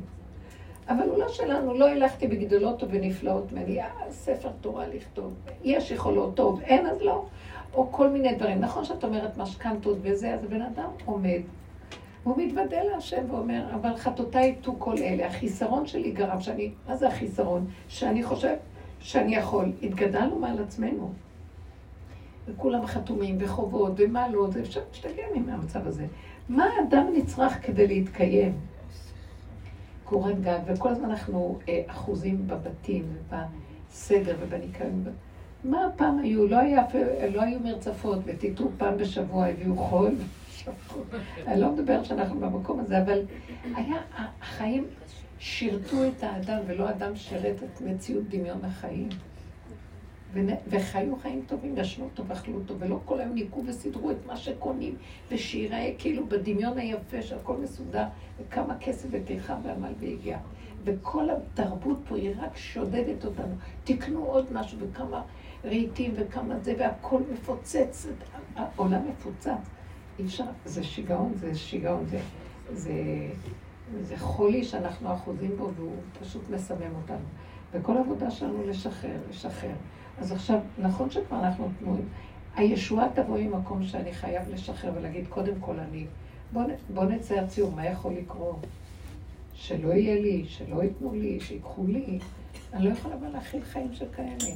אם הוא נותן דקה, שתיים, של, של שלווה של אמת, שהוא לא יכול, מוסר את חייו להשם, מבקש רחמים, ומדבר איתו, אני לא יכול. אני עשיתי את זה לעצמי, אני הבאתי את הילדים למצב הזה. זו תרבות של אה, הפקר ושיגעון הגדלות. ואז אני מודה ועוזב ירוחם, ואומר לו, אבל תרחם עליי ותעזור לי. אז זה לא שלי, זה שלך, נכון? עכשיו אני תקוע, רק אתה יכול להוציא אותי מהתקיעות שלי. כשאני מסכים להיות תקוע, מה זה תקוע? בר נפלי. אני מודה שאני מציאות של נפילה, תקוע. אבל בלי להישבר. ולא רק שהוא לא נשבר, הוא גם דואג, הוא מפחד שאם הוא יישבר זה גדלות, זה גאווה של עץ הדת. או שהולך לי או שאני נשבר כי לא הלך לי. לא צריך, כאן זה דמיון שצריך ללכת, לא צריך ללכת כלום. איך שזה ככה, הכל בסדר. אם הכוס עומדת פה, זה בסדר. לא, היא הייתה צריכה להיות פה. לא, אם היא פה, אז הכל בסדר. זה מוח אחר לגמרי. ואם האדם מקבל את הכל כהווייתו, אבל הוא מודה את האמת שהוא לא יכול לעשות מה שהתרבות רוצה ממנו, הוא מעצמו, לא אכפת לו כלום כבר. אז יבוא ישועה בגבול הזה שהוא נותן, שהוא אומר, אני, זה מה שאני יכול. תשלח לי עזרה, הכל בסדר. תראו שיבואו ישועות בדרגות נקיות, קטנות, יפות, והצער שיש לנו מהמציאות של החיים, 80 אחוז זה הדמיון של זה. הנתונים הם לא כאלה קשים לסדר אותם. קחו פרופורציות. הכל כאן דמיון. אני רוצה לעודד אותנו, הכל כאן דמיון. הפחד מהבנקים וכל זה, הכסף של הבנקים שזה של האזרחים. זה לא נורמלי מה שקרה פה, הם שובים את הבני אדם בחרדות ופחדים, אסור לתת את זה. תנו את הווידוי, תנו את הווידוי דברים לבורא עולם. חטאתי שאני פשוט משתחווה לפסל הזה. ממנו אני צריכה לפחד. תתוודו את חטאותיכם לפני השם. כל תנועה של משהו בטבע שהוא חורג, כי הוא מצייר אותנו, הפחד, החרדה הקיומית, הצער. אני אומרת לו את האמת, אני לא יכולה יותר להכיל את זה. זה בלי, בלי שאני ארצה בשנייה דפיקות לב. נעלם לי רגע משהו, לרגע נבהלתי, היה, נחסרה לי פעימה. ואז אמרתי לו, תראה את המציאות שלי, אחרי כל כך הרבה עבודה והכל נחסרת פעימה. לא מוכנה שאתה חסר לי פעימה. לא יותר משתי שניות. אז אני לא מוכנה, זה לא שווה לי העולם. שהחיים יהיו תלויים בכרטיס שלרגע נעלם לי. מה זה? את זה, את הדיבורים האלה הוא צריך. תגיעו להכרה הזאת שאנחנו שבויים פה, שאנחנו כאובים פה, שאנחנו תלויים, שאנחנו מבוהלים. כל המציאות שלה, לא רוצים יותר לחיות ככה. אפשר לי, הוא יסדר את הישועות שלו, אבל הוא מתגלה עכשיו רק על אדם שהוא כלי. מה זה כלי? כלה ונפסד מה, מהאישיות הדמיונית, מכל ההתנהגות הרגשית הזאת של החיים. לפרק את זה, לפרק, לפרק. תהיו חזקות עם הדבר הזה. תתהלכו כמה שאפשר בשקט ושלווה. כמה שאפשר בא המוח ומבלבל, לא לתת לו. זה דמיון. לא חסר כלום, הכל בסדר. עובדה, אנחנו לא, לא נמות ברעב, ולא יקרה לנו כלום. תצמצמו את החיים לרגע. אוי, אם אני אחשוב מה יהיה לי עד סוף החודש, אז זה תרבות אחרת. אבל לרגע לא יחסר דבר. והכל יקרה בסדר. אז זה משהו בדמיון של המוח שלא נותן לנו לגוע בגבול. הגבול זה הרגע. זה המוגבלות שלי. לא היכולת שלי, הפך מזה. וזו תרבות הפוכה, נורא קשה להיגמל מהיכולת, מדמיון היכולת. כל החיים בנויים ככה. זה קשה, אתם מבינות מה אני אומרת? הדמיון שלנו בעצם הוא המניעה הכי גדולה שלנו. מה, מה? הדמיון בעצם המניעה הכי גדולה שלנו להגיע לגבול. ממש. הגבול, הוא נמצא אצלנו כל הזמן, והישועה צ'יק צ'ק. כל השנים היא הייתה בגבול, אבל עץ הדת הגדול מעיב על זה ומכסה. הדמיון הזה קשה. איך נזהה אותו? המצוקה זה סימן של דמיון. כי היא סותרת לנו את המצב, כן. אני עובדת במעון, ושבוע לא הייתי בעבודה. וחזרתי, וילדה אחת בכתה, בכתה, בכתה, בכתה. הסתכלתי לה בעיניים ואמרתי לה, האוזניים כואבות לי. והפסיקה. אני עוד פעם הייתי מנסה לחשוב מה אני אעשה לה, איך אני אסדר אותה. לא, אמרתי לה, מה לי שאת. כואב האוזניים. היא הפסיקה. זה המקום. ממש. כן. בת כמה ילדה? שנתיים.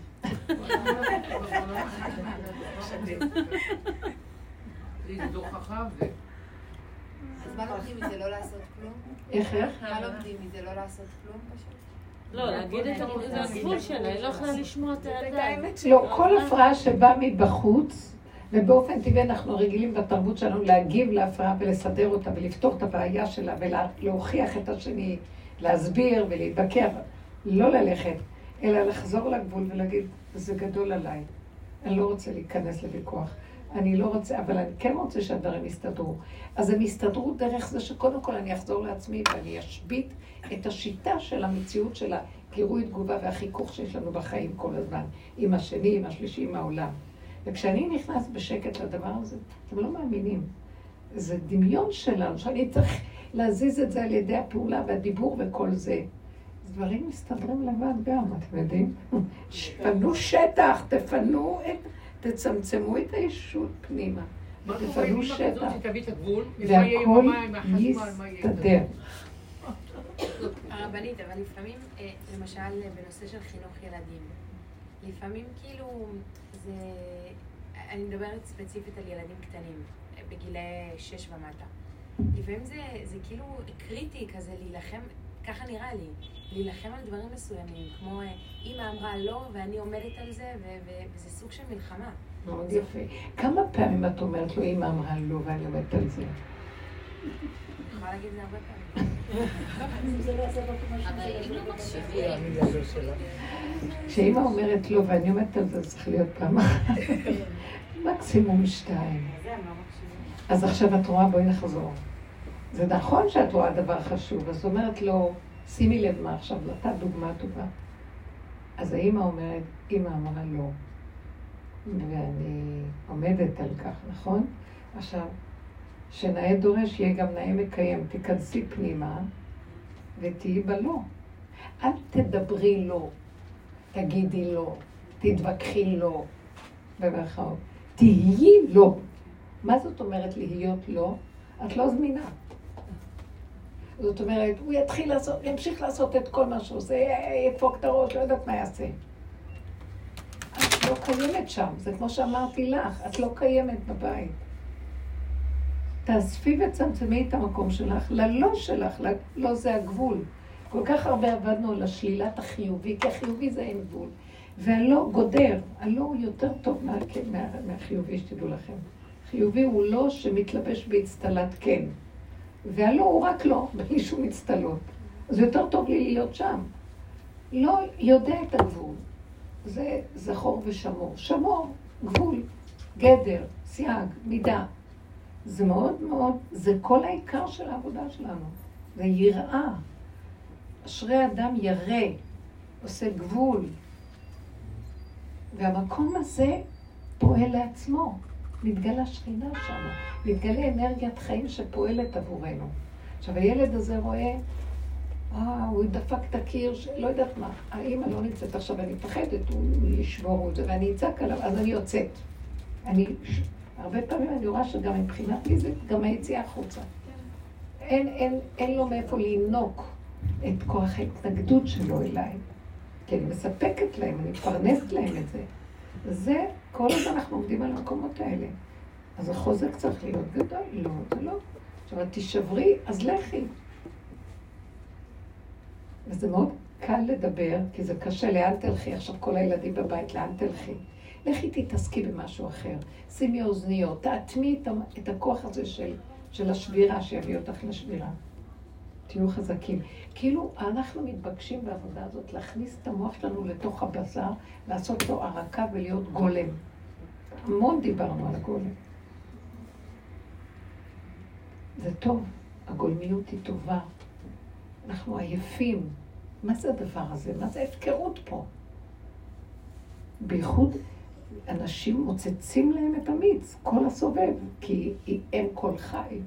היא אימא של הילדים, גם אימא של הבעל, גם האימא של. אה, העיסוקים שלה והכל, היא רוצה להשפיע ולתת, והיא מרצה ורצה קדימה והולכים לאיבוד. וצריך לעשות שיבה. לעשות קיבוץ גלויות ושיבה, לחזור לאדמה, לאדמת בשרנו, למצב הזה הפשוט של הקיום. לא, צריך להיות מילה שלי, הן שלי יהיה הן ואליו יהיה אליו, הכל מסוים. לא יכול, לא רוצה. תלמדו להצטמצם פנימה ולסגור תיקים של אה, עולמות. אתם לא יודעים איזה חוזק וצמצום הנוכחות שלכם תשפיע בבית ויהיה כבוד. זה כבוד לשכינה שבתוככם. זה כבוד בת ישראל, זה כבוד השם. מלא את ההיכל. הכבוד הוא השכינה. תיתנו את המקום הזה. גם בן אדם לחברו, לא צריך את הריבוי חברים, ואז אחד אה, יושב על השני, לא התקשרת, אמרת שתתקשרי, למה את לא התקשרת, אז לא נעים, כן נעים. אה, לא יכולה לרצות, ושמישהו ישפיע עליי את הלא נעים הזה, כי אני במילא, באמת, נניח טיפוס שמרצה, אז, אז, אז השני יוצר לי את המציאות שלא נעים לי. עכשיו, השני יונק ממני כי הוא מנצל את הריצוי שלי לשבת עליו, והעולם מאוד מסוכן. יותר ויותר אני רואה שיותר טוב לי לא להתחבר להרבה דברים, לא בגללם, בגללי. כי אני ארצה, או שאני אעשה... אני... כל נקודה בת מלך פנימה, הגבול, הגבול. הגבול הוא חכם, הוא בריאות הנפש, בריאות הגוף. אם אנחנו בגבול ככה, נדע כמה לאכול, נדע כמה לישון, נדע הכל הגבול, הגוף יהיה בריא, והנפש תהיה בריאה בו ברמות הנכונות והמדויקות. שמה הגאולה נמצאת. אל תצפו שהגאולה לא תהיה לא בשמיים ולא מעבר לים ולא בארץ רחוקה. עולם כמנהגו נוהג, טבע נקי, קטן, פשוט, שמח. אוכלים ונהנים, ישנים ונייחה לי, שקט. עושים פעולה ונפתחות נפתחות הדלתות. אין מאמץ, אין עמל, אין הגיעה, אין צער רוגז, אין התקלות. ותשמעו, אנשים, העצבים שלהם מרוטים כבר, וזה לא טוב, המצב שלנו חולה. בקלות שפתאום קורה איזה חולי לבן אדם, והוא לא יודע מאיפה, אבל זה כבר אה, תפס תאוצה מבפנים, של הרבה דמיונות. אנחנו עושים עבודה מדהימה, וגם עם דברים בחוץ, כמו שאיזה מישהי אמרה לי, מתי אני אתחתן, מתי אני אתחתן? ואז אמרתי לה, תראי, באופן טבעי, בתודעת עץ הדת, זה שטנץ כזה, זה מבנה שצריכים להתחתן. אבל כשמתחתנים, והכל בפנים סוער ובוער ולא מדויק ולא לא מבורר. אחרי שמתחתנים, מה, הבעיות ממשיכות. מה שאת עושה עכשיו, את עושה טיפול שורש, את מנקה את השטח, מסדרת, זה חיים טובים. חוץ מזה שהמבנה בוא יבוא, אבל החיים טובים. זה נכון שצריך שיהיה גם, אבל אני שמה לב שזה, שהבנות שעובדות באמת ומרגישות חיים טובים פנימיים עם עצמם, כבר הנישואים זה לא נהיה ערך. זה עצמיות והחיבור שלה זה ערך. חוץ מזה, גם יש את המצב שכן, השם רוצה בעולמו, והוא ברא את העולם שזה יהיה ככה, אז שהוא יזמן את זה, והוא יזמן לאדם שיש לו כלים כאלה, את מה שמתאים לו בדיוק, בלי מותרות וניסיונות נואשים של כל מיני דברים של שבירות חס שלום וכן הלאה. זה יותר טוב. הבן אדם צריך להיות עסוק עם העבודה הזאת ועסוק עם החיים בצורה נכונה ושמח לו. ויבוא לו מה שצריך, וגם אם לא, הוא קיים בתוכו, יש את הכוח הפנימי של השמחה, שהיא אינה תלויה. אז לא להתבלבל, כן. בעצם את אומרת שהגבול עכשיו יותר אינסטנקטיבי ממה שפעם היינו אומרים, אם הגבת, תבדקי למה הגבת. אם זה בא מאיזה מידה שלו. עכשיו את אומרת לא לבדוק. האינסטינקט הראשון זה ה... כי עברנו, מה עשינו בכל העבודה שעשינו קודם? קודם, החלק הראשון של העבודה של הדרך הייתה שמבחוץ נתחיל לעבוד על הבפנים שלנו. ובחוץ, כן אדם רואה נגעי עצמו, הוא צריך לראות את הנגעי השני מראה לו. אה, מתרגז, הילד מראה לו את הרוגש שלו, את התגובות שלו, את ה... ואז הוא עוזב את השני ורואה את מה שקורה אצלו. זה תחילת, זה תחילת הפנמת תודעת עץ הדת לצמצום הפנימי. אני לוקח את התודעה של העולם, ובמקום להגיב גירוי תגובה, גירוי תגובה בחיצוניות, בשטחיות, אני מתחיל להפנים את זה פנימה. אני עדיין משתמש בשכל שלי, בהבנה, בהתבוננות, בהכרה בעצמי, ומשתמש בשכל של העולם. אבל במקום ליפול על השני, אני נופל על עצמי. ומתחיל לראות את הפגמים שלו ואת דפוסי ההתנהגות שלי, ואיך אני נראה, וכל המצב שלי. ואז אני אומר, מה את רוצה? שזה לא יהיה ככה? את גורמת. לאט לאט יש לי, אני מתחילה להכיר את המערכת שלי. דע את עצמך, בן אדם לא יודע את עצמו. הוא יודע את, את ההונולולו ואת החלל, את עצמו הוא לא מכיר. לאט לאט הוא מתחיל גם להתיירא מעצמו, והוא אומר, אבל אני גורם הרבה דברים בהתנהגות. אז בזה שהוא יושב בצמצום פנימי ומתבונן, הוא פחות פעיל ופחות מתנדב ורץ, אז uh, הוא מונע הרבה בעיות כבר. והוא גורם שהסובב, אני עוזבת אותם לנפשם, והם יתחילו לראות את עצמם. כי אנחנו שוחחים ומגבים, וכאילו אנחנו, עליי הייתה כולנה, יאללה, תזרקו, אני הפח זבל של כל העולם. לא.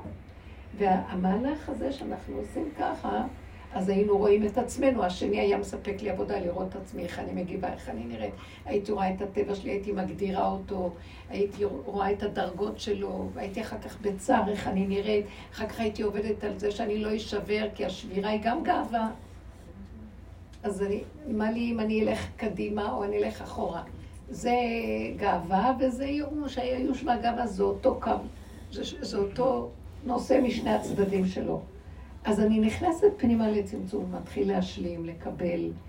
אה, יש תהליכים מאוד גדולים בזה, כמו שאת זוכרת. זה הכניס אותנו גם לנכאות, ככה אני נראה, ככה אני נראה. עד שהגענו למקום שאמרנו, תשלימו, תקבלו. זה המוח עוד דן אותנו. יותר טוב מה שידון את השני, הוא דן את עצמו. אבל גם את עצמו כבר לא צריך לדון. ולאט לאט התחלנו להשלים ולקבל שזה מה שאנחנו. אבל עכשיו שאנחנו מקבלים, אה, אז מה זה הפקרות, זה מה שאני. אבל אדם שהוא מתחיל להשלים עם עצמו והוא עשה עבודת צמצום, הוא לא בקלות ילך אה, לש, ל, לש, לשדוד את העולם. כי הוא עייף, הוא לא רוצה, הוא לא מעוניין כבר, אה, אין, אין סכנה, אין סכנה ממנו לעולם.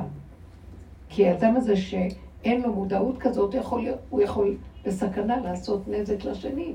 הוא יכול לדבר לשון הרע. זאת האישה שאמרתי לכם שהיה להם מוות קליני.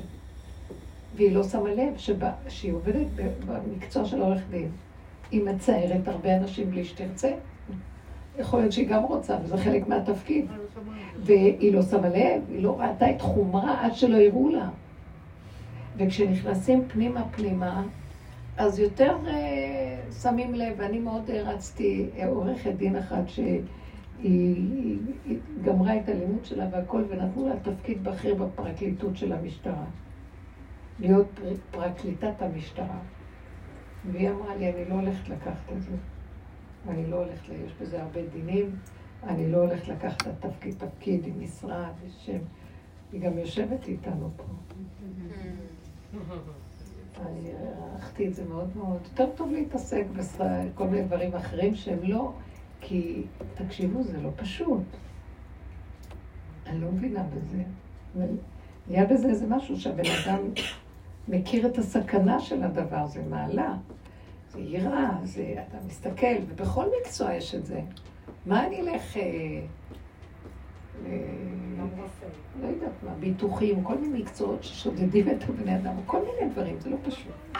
אני לא באה לדבר, אבל אני אומרת, אדם שהוא באמת רוצה את האמת וחודר פנימה והוא ירא את השם, האנשים האלה, אם, אה, הם מצטמצמים פנימה, השם יזמן להם איך להתפרנס, והם יהיו נקיים אצלו. ו- ואני רוצה רק להגיד שוב, שאלה הסוג שישרדו, הנקיים האלה.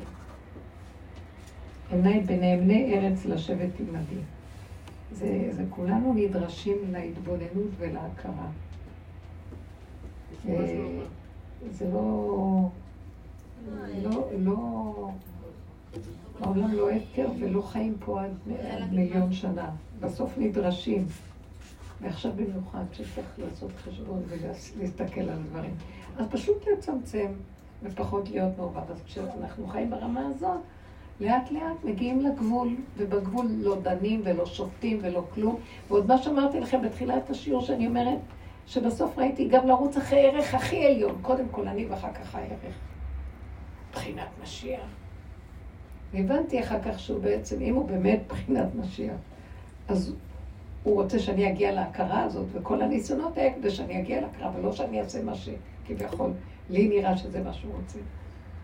כי זה התכלית, באמת, שנגיע אה, מורה אמיתי, הוא לא משתלט, הוא נותן לכל אחד ואחד כלים איך שהוא יהיה המורה של עצמו, ויעבוד עם עצמו, ולא ישלול ולא ישדוד לשני את התכונה שלו וישתמש בה, אה, לשלוט עליה. זה גניבה, וגניבה ברוחני היא קשה מאוד, מסוכן מאוד. אז, אז אנחנו צריכים לשים לב לזה. יש לי משפט לומר, אה, אם יש מלחמה בבית, השכינה בורחת. לא רק השכינה, גם השכינה בורחת. זה נותן, לא, אין שלום בבית. יש שכינה, יש שקט, רוגע, זה נותן, משדר לבית וזה עושה טוב. המלחמה זה מלחמה. נגמרות המלחמות. והעבודה הזאת של הגבול, לא להילחם. פשוט לא. לא. אני לא, זה לא להילחם. שהשם יקום, יקום אלוקים ויפוצו איבה וינוסו משנא מפניו. שהוא יבוא להילחם את מלחמתו. כל קנה ונוקם. שהוא ינקום ויעשה. אני מלמדת זכות. בגבול גם מלמדים זכות. זה לא שאני מלמדת מהמוח שלי זכות כמו בצדקות. זה פשוט הזכות יוצאת מעליה, יש רחמים על העולם. מרחמים על כל מה שזז. אז זה התהליך של הגבול. הגבול מביא הרבה רחמים. כן. אה, כאילו כאילו להגיע למקום, כאילו היא שהיא רוצה כבר לפרוק את זה, כאילו צריכה כאילו להגיע למצב, קודם כל לנסות לחפש נקודות טובות שבורא נותן לה במציאות שלה. קודם כל השגרה מבורכת. אז מתקלחים אבל וחלילה לא בבית חולים. ברוך השם יש קול חזק, ברוך השם שיש קול בבית. אנחנו לא בעבודה הזאת, נשמה יקרה. אנחנו לא בעבודה הזאת, זאת עבודת שכנוע של מוח. אנחנו בעבודת אמת. אנחנו לא במחשבות טובות, לא. אנחנו לא, אני בדקתי, אין לי מחשבה אחת טובה בכלל. אני ראיתי שבשלילה, השלילה היא טיפול שורש הכי טוב. כי מחשבה טובה זה כאילו אני עושה טלאי על טלאי ואני מסדרת שהכל יראה טוב. וזה מהתודעה של האדם שחושב שיש לו מחשבה טובה. אני רוצה, כתוב שהשם אה, יש לו מחשבות טובות עלינו, איך זה כתוב? כי אני חושב עליכם מחשבות טובות. שהוא יחשוב עלינו מחשבות טובות. גם רשום לו מחשבות. ככל שהאדם מכיר שאין מתום בבשרי, אין מחשבה אחת טובה באמת. יצר לב האדם רע מנורא. נלך על זה ונסכים, ואז, וואי וואי וואי, טוב, אז אין מתום בבשרי, אז אני בגבול, אבא, אם אתה לא מתגלה, אני אהרוג את כל העולם, סליחה. מתגלה, אני מכריחה אותו להתגלות. זה דרך אחרת.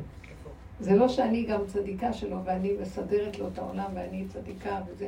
הוא אומר, יאללה, כל הצדיקים תתקפלו, וגם הרבנים, וגם כולם, עכשיו זה הסוף. אף אחד לא יעמוד ויגיד, אני, לכבודך גם. בשבילך. אני רוצה שבשך גדלות האדם. כל הראשים יורידו למטה, כשהמלך בא כולם משתחווים. גם הצדיקים וגם החסידים וגם גדולי התורה. כולם השתחוו לכבוד אדם גאון כבוד עוזו, כאשר הוא יקום בגילוי שלו. ואנחנו מכינים את עצמנו למקום הזה. זה לא אומר שלא נהיה תלמידי חכם שלו. זה לא אומר שלא נהיה צדיקים חד חלילה, ושלא נחזיק מעצמנו שום דבר. והדרך שלא נחזיק מעצמנו זה ללכת להכיר את השלילה, וגם לא לתת לה ממשות של שלילה. פשוט היא מכניעה אותנו יותר. מה רצית לו? כן, סיפור קצת ארוך, כן. אותך הרבנית שלו. עוד מעט, כן, מה, כבר מאוחר? עורך הדין טובה. כן, כן. איך אני אמורה להתנהג במקרה הבא? רק שנייה, בנות, שקט, אני לא שומעת. מורכב, מורכב. במקרה הבא, מה אני אמורה לעשות ואיך להתנהג. אה, דוד שלי אה, השתלט על הבית של סבתא שלי. אוקיי? פשוט השתלט. עד עכשיו זה היה מחולק לחלקים, לאמא שלי היה את החלק שהיה כל אחד אחר, והוא החליט, עד שהשתלטו לו, התחיל אה, פשוט לפני כמה ימים, התחיל לשבור את הקיר, והחלה את הקבוצה, והוא אמר, זה שלי, פשוט ככה, הכל דל מדבר. עכשיו, בגבול אתה מתפוצץ, ללכת ולעצור בנפשי. עורכי דין, מעצב מניע עכשיו. יפה להילחם על ירושה, משפחה, זה לא מכובד, לא נכון, לא שייך. זה מעצבן אותי, זה מעצבן את אמא שלי. אני שולחת לו הודעה, תקשיב, אנחנו משפחה, אתה רוצה להילחם, אתה רוצה לריב, זה לא שייך, זה מכוער מלחמה. מה? למה? זה לא לקחת לי ככה, שלי, שומע, פשוט זה מה שבא לו. מה אני אמורה לעשות? להתעצבן? ללכת למה? מה לעשות? אה, מה הגבול? זה לא היה סיפור כזה ארוך, טלי. אין צבא, אז זה מגיע שווה שווה לכל האחרים.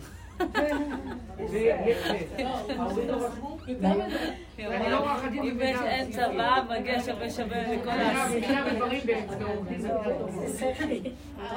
משפטית אני יודעת לטפל בזה, לא באתי משפטית. יש צו ירושה, הוא בכלל לא בירושה, אין לו אפילו חלק בירושה, אין בעיה, משפטית זה תהליך ארוך, מורכב, עולה כסף, ברוך השם, טיפלתי בדברים הרבה יותר מורכבים, אפשר לטפל בזה בדרך כלל, אז א' זה עולה כסף וזה הרבה זמן. כרגע, וואלה, בן אדם לוקח לי את הבית? בכוח? סליחה. זה אותי ושובר. היא צריכה לדעתי להעביר את זה לעורך דין. אבל אמרת לי, וזה לא לך, זה שמישהו כבר מראה אחר את האחיזה יטפל. בזה. ברור שיש לי אחיזה. עכשיו, יותר מזה, מרגיז אותי נורא, ואני, ברור שבאמת יודעת לטפל דברים יותר קשים. אז אמא שלי אומרת לי, כאילו, תטפלו בזה, זה מעצבן אותי, קחו עורך דין אחר, אני יכולה לשתף שכר טרחה. זה מעצבן אותי, לא זה. אז לא כדאי לך להתעסק. שאנחנו מתרגשים מדבר ולא טוב. אבל עורך דין אחר גם ייקח יותר כסף, ולא תדע לפתור. לא משנה, הכוחות שלך זה שווה כל כסף. אז הרגיעות שלי שווה אז זה מה אז הוא משתלט. אנחנו עכשיו, מה אמרת לעשות? להרפות, להגיע לגבול. אז מה עכשיו אני צריכה? אה, תיכנסי פנימה ותתבונני בסערה. וכמו שהיא אמרה, באחיזה. אני רוצה, אה, זה מרגיז, זה באמת מרגיז. והעולם כאן יהרוג את האדם, סליחה במירכאות, החיים פה, ואנחנו לא רוצים לבוא למקום הזה, כי זה ניסיון, זה לא באמת. ולא להפק את זממו של הניסיון. כלומר, ברגע שאני רואה שהכל סוער, אסור לי, אה, אני לא כשיר במחשבה לעשות שום פעולה. אז המקום הזה אומר לי, תתכווצי פנימה ותישארי עם הגבול. הגבול שאני מתבוננת, וזה מה שדיברנו בתהליכים, אני רואה את האחיזה שלי בבית, את הרוגש שלי. אה, באמת, כל אחד יתבונן ויראה, אנחנו יכולים לשנוא בן אדם הכי קרוב, ותכלית השנאה שנאתי, ואויבים היו לי. ולא יודעת מה. ואז להתבונן ולראות בנחש הזה שיוצא לנו, בשביל הבית, בשביל הממון. תבדילי בין היסוד הנכון של החוק לבין כל הסערה הרגשית שמסביבו. את צריכה לפעול ביסוד הנכון של החוק. מאחר ואת לא יכולה כי את סוערת, תתבונני בסערה ותראי, תנצלי את זה, לראות את ה... אה, זה נורא, אנחנו יכולים להרוג בשביל, סליחה במרכאות, אה, אנחנו יכולים אה, להשתלח אחד בשני, לשון הרע, שנאת חינם, מה לא, ועוד להצדיק את זה, כן, כי מגיע לי הכסף. אז העבודה שלנו היא להבדיל. כן מגיע לי. זה לא אמרנו לוותר, לא. זה מגיע, חוק. יש חוקים, יש חוק הבריאה, אה, יש לו, אין להשיג גבול, יש המון דברים שזהו, זה חוק. והחוק, אה, הוא יעשה את עבודתו. החוק רוצה שנגאל אותו, ושלא יהיה כאן חוסר צדק ויושר. אבל איך עושים את זה, זה כבר דבר אחר. אז ביררנו שזה המה. אז עכשיו, את יכולה להשתמש בכל זה כדי להתבונן ולעבוד על עצמך ולראות את עצמך ולהתוודות לפני השם, וזה מה שרב אושר היה עושה.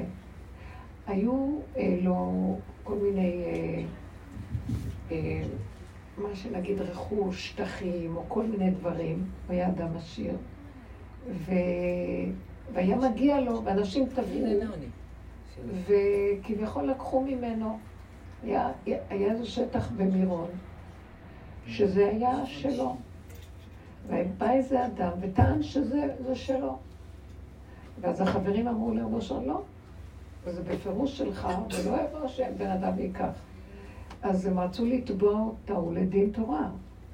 ואז אה, כתבו איזה מכתב. אז רב אושר לא התנגד, כאילו נתן להם לכתוב את המכתב, נתן להם זה, וכשזה הגיע למקום של, שהוא היה צריך להיכנס בפעולה, הוא אמר להם, אני לא יכול, אני לא יכול, אני לא רוצה להיכנס בזה. אז אני, הוא קרא את המכתב ואמר, אני מוותר לו את השטח. עכשיו, אני לא אומרת תוותרי לו, או עוד נקודה שהיה. אה, הוא בא מחוץ לארץ עם מזוודה, היה לו, משפחה שלו, הייתה להם שקים של תכשיטים, יהלומים ורקם. אז הוא בא משוויץ עם מזוודה, והיה בה הרבה מאוד uh, תכשיטים וכסף ודברים. וכשהוא הגיע, בא למירון, היו שם חברים, ואז הוא נתן לאחד החברים, תשמור לי רגע על המזוודה. והוא רגע הניח אותה ונעלמה המזוודה. עכשיו, לרגע רב אושר מסתכל, אה, והוא רואה את הפנים של ההוא שנעלמה לו, וכשהוא ראה את המצב הזה, אז הוא אמר, באותו רגע אמרתי, אין לי מזוודה, אין לי, אין לי. זה היה, תשמעו, זה עבודה של עבודה. אנחנו מדברים כאן מהעבודה שלו. עכשיו, זה נאה דורש נאה מקיים.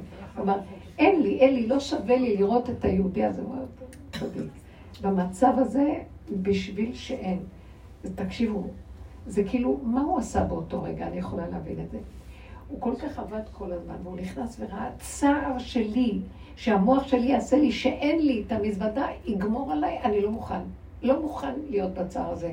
כל הון וכל חללי דהי עלמא לא שווים לי בשביל הצער שהמוח עכשיו יעשה לי שאין לי את זה, זה התאבדות. אז אני, לא הייתה לי מזוודה כזאת, זה לא היה אף פעם. הוא שכנע את המוח שלו שלא היה לי דבר כזה, זה לא שלי, אין לי. הכל בשביל להישאר נטול שייכות לכלום. זה של בורא עולם, הוא נותן, הוא לוקח, יהי שם השם מבורך מעתה ועד עולם. הבן שלו על פניו נפטר, הוא היה חולה. אה, כאילו לא היה ניכר עליו, זה לא שלי. תקשיבו, אי אפשר להכיל מרוב רגישות ועידון של הגבוליות, הגבול עושה לנו עבודה, הוא אומר, לא, לא, לא, לא, לא, אני יכול להשתגע. לא, לא, לא. לא אמות כי אחיה, כי זה העולם שלך, וככה אתה מכריע וככה יהיה. מצאו את המזוודה וגם את השטח יחזירו. כי בורא עולם נכנס בתמונה. עכשיו, במקרה שלך אני אומרת, את רגישה, את, את, המוח שלך חזק עלייך, והוא לא יכול להכיל את החוסר צדק. אבל תעזבי, זה רק ניסיון ששלחו לך. ככה תראי את זה, על מנת שהשם תראי לו שאת נותנת לו את החיים, את השטח, את הכל. את תזכי בהרבה ישועות. קודם כל, זה יכול להסתדר. ובאמת, מישהו יבוא ויסדר את זה. אבל את, חוץ מזה שמישהו יסדר, צריך שאת תעשי את העבודה ותיכנסי למקום של... תהיי חלל פנוי, ותראי, דווקא זה יביא ישועה, שהכל בסוף יסתדר, וגם יהיה שלום, וגם הוא ייתן ויוותר מעצמו. יום אחד יקום ויגיד, לא, זה שלכם, את לא תדעי, זה לא הגיוני. ואת צריכה לעשות את העבודה. וזו עבודה לא קלה, בגלל שזה באמת, אה, זה כאילו אנחנו מוסרים את נפשנו. זה, זה למסור. ממונו של האדם זה היקום אשר ברגליו, זה מה שהחיות שלו, נותן את החיות שלו, תשחט. תקבל חיות כפליים, והכל יסתדר. הוא היה הולך על הדרך הזאת. כי הוא בזה הוא הכניס את ההנהגה העליונה, שהיא בעצם השכינה ששוכן איתנו פה, ולא רק דיני בית דין ובית דין ובית דין. למה חרבה ירושלים שהיו דנים כל הזמן? אני לא אומרת שלא נדון ולא ניקח את זה לדין. מאיזה מקום לוקחים את זה? את תזוזי הצידה ותתני למישהו אחר, אבל בזמן שאת נותנת למישהו אחר, תעשי את העבודה הפנימית, כדי שגם כשנותנים למישהו אחר, יש שם ישועה של השם, אמיתית. זה דבר. מה העבודה שלי לשחרר? עבודה שלך, להכיר את הפגם שלך, להכיר כמה אנחנו אחוזים בממון, כמה אנחנו כועסים, כמה אנחנו דנים את השני, כמה אנחנו לא יכולים לסבול, ובאמת את צודקת, אבל לא רוצים צדק. רוצים לגלות את השם. נמאס לנו כבר להיות צודקים לרוץ לבתי דינים, בתי משפט כל היום. יאללה, תתגלה בעולמך ותעשה סדר. אתה שלחת את זה כדי לבחון אותי, אם אני נותנת לך מקום להתגלות, או אני רצה בעצמי לסדר את הדין ואת המשפט. וכולם מסתבכים עם הדינים והמשפטים, וזה לא יוצא ראש. זה קשה מאוד מה שקורה זה מה פה. שזה, התחלתי לסדר את המשפט. בדיוק. ושלחתי עוד שליח אבל חסרה עבודה שלך, הפנימית. לא, אבל את רואה כמה שזה עוד מורכב. מה חשבתי חשבתי שזה פשוט, זאת פי כמה מורכב. למה? משפטית מורכב. זה מאוד מאוד פשוט. זה מאוד פשוט, הכל כאן כאילו מורכב. הכל זה, זה כמה כמה איקות, כל הדינים של המנדט וכל הדינים של הדין העות'מאני וזה, הכל פשוט. את תראי שהכל יצא לו, פשטות פשטות. וגם הוא יתרצה וגם המשפחה תתרצה והכל יבוא על מקומו לשלום, ואת צריכה לעשות את הנקודה שלך. תתבונני ותצעקי להשם, אבאלה, אבאלה, אנחנו משוחדים ברמות משוגעות. אם זה מהילדים, ואם זה מזה... תכירו את האמת ותתוודו את חטאותינו לפני השם, כמו יום הכיפורים, יורד אור גדול ומיישר את ההדורים, ותודה ושלום על ישראל. ואני גם רוצה חלק בבית, מגיע לי.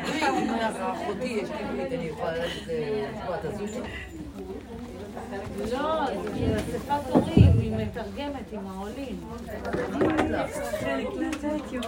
כן, תשלחי לי.